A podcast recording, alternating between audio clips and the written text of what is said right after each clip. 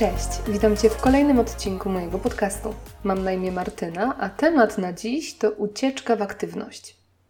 Nie bardzo lubię generalizacje i mówienie, że ludzie tak mają, większość tak ma i tym podobne. Dlatego na początku trochę nie bardzo wiedziałam, jak zacząć ten odcinek. Tak, żeby nie wrzucać wszystkich ludzi do jednego worka i żebyś ty nie poczuł się czy nie poczuła się do tego worka wrzucona, czy tam wrzucony. Bo może wcale do niego nie pasujesz. Końcu więc postanowiłam opowiedzieć Ci coś o sobie, a sam, sama zdecydujesz, czy to dotyczy też Ciebie. Przez całe lata studiów, a tych lat było sześć, bo jak to się mówi, strzeliłam kibla na pierwszym roku, a także przez parę lat po nich, czyli wtedy, kiedy wyszłam za mąż, to małżeństwo się posypało, ja się rozwiodłam i wróciłam do mieszkania solo, przez cały ten czas nie znosiłam ciszy.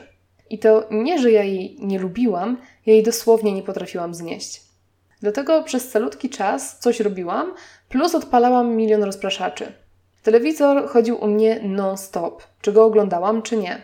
Puszczałam w tle jakieś głupawe programy na MTV czy TLC albo Comedy Central i wyłączałam dopiero kiedy szłam spać. Stąd znam wszystkie odcinki Przyjaciół i Seksu w Wielkim Mieście na pamięć, bo każdy z nich widziałam milion razy.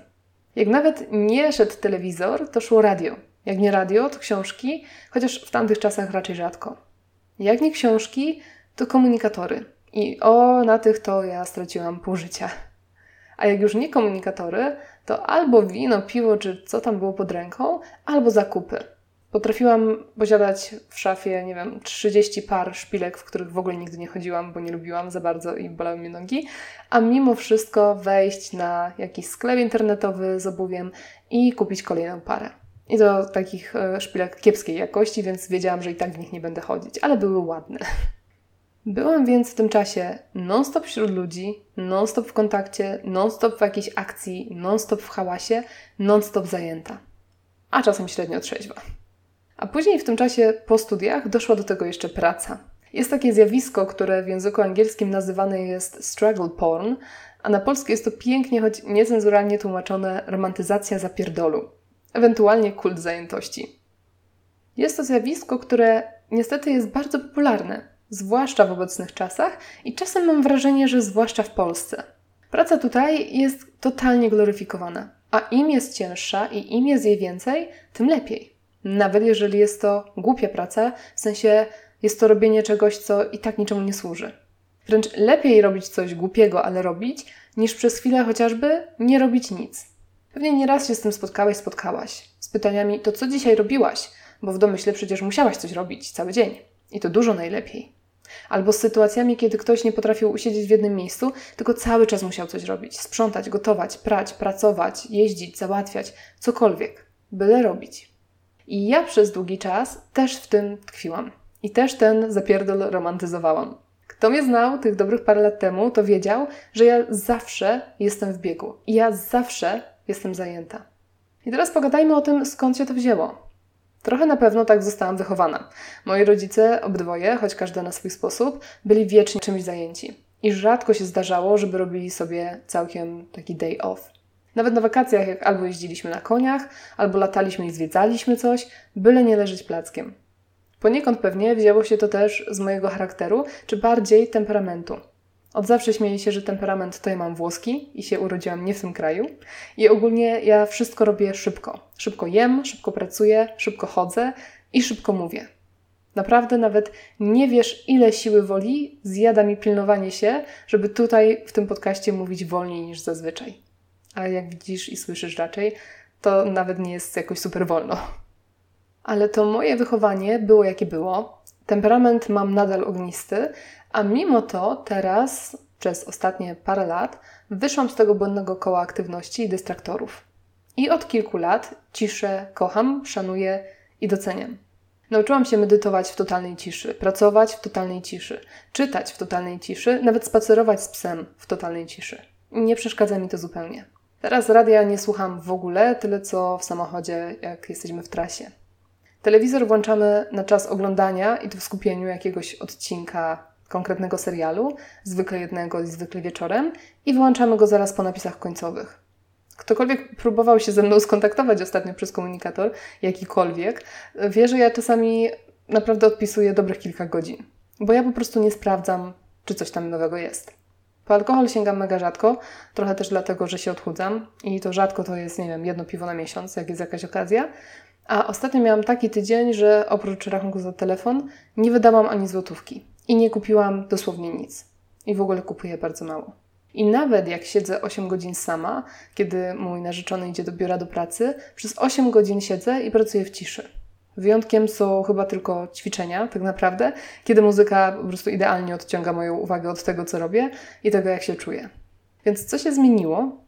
Trochę już zdradziłam w przedostatnim zdaniu. Otóż z mojej perspektywy i z mojego doświadczenia, to ciągłe robienie czegoś, puszczanie czegoś w tle, gonienie nie wiadomo za czym, to była, przynajmniej w moim przypadku, ucieczka. Po prostu. Przed rzeczywistością, przed problemami, przed samą sobą. Tak bardzo podświadomie bałam się tego, co bym usłyszała w swojej głowie w ciszy, że do tej ciszy nigdy nie dopuszczałam. Robiłam wszystko, żeby tylko się nie zatrzymać i nie wsłuchać w to, co mówił mi instynkt, moje serce, w moje obawy i w moje marzenia. I we wszystko to, co wiedziałam, ale do czego nie chciałam się sama przed sobą przyznać. Bo widzisz, emocje mają to do siebie, że dość łatwo można je zagłuszyć, stłamsić, pogrzebać w sobie, odciąć się od nich. Problem w tym, że one nigdy nie znikają, tylko się gromadzą. I czekają na moment, kiedy nic cię nie będzie rozpraszać, żeby upomnieć się o swoje, czyli o rozpoznanie, przeżycie ich, zastanowienie się, co oznaczają. I często też o podjęcie jakichś decyzji i działań, które wcale nie będą łatwe i komfortowe. Dlatego po jakimś czasie cisza robi się coraz bardziej przerażająca i przez to tym bardziej uciekamy w aktywność. I tak się to kręci, aż któregoś dnia wybuchamy albo emocje nas pokonują albo nas rozkładają całkiem na upadki. I to, co się u mnie zmieniło, co ja zrobiłam, żeby wyjść z tego zaklętego kręgu, to po prostu zatrzymałam się w którymś momencie i poczekałam na te wszystkie emocje i dałam im w siebie uderzyć z pełną mocą.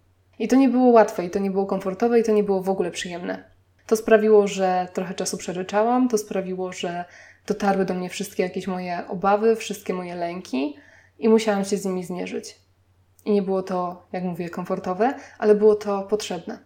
Bo dzięki temu, że raz te emocje dopuściłam do siebie, te wszystkie przekazy intuicji, z którymi wcześniej nie chciałam mieć do czynienia, przez to, że to wszystko wpuściłam do swojej głowy, do swojej świadomości, to to wybrzmiało i przestało mnie męczyć. A każde kolejne emocje załatwiałam już na bieżąco.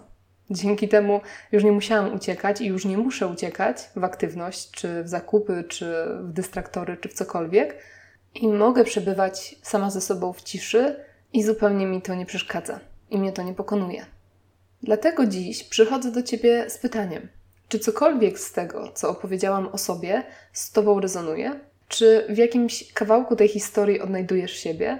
A jeśli tak, to czy ta Twoja ciągła aktywność wynika z tego, że ją po prostu lubisz, czy tak zostałeś wychowany, czy może przed czymś uciekasz? Czy może jest coś, z czym nie chcesz się zmierzyć?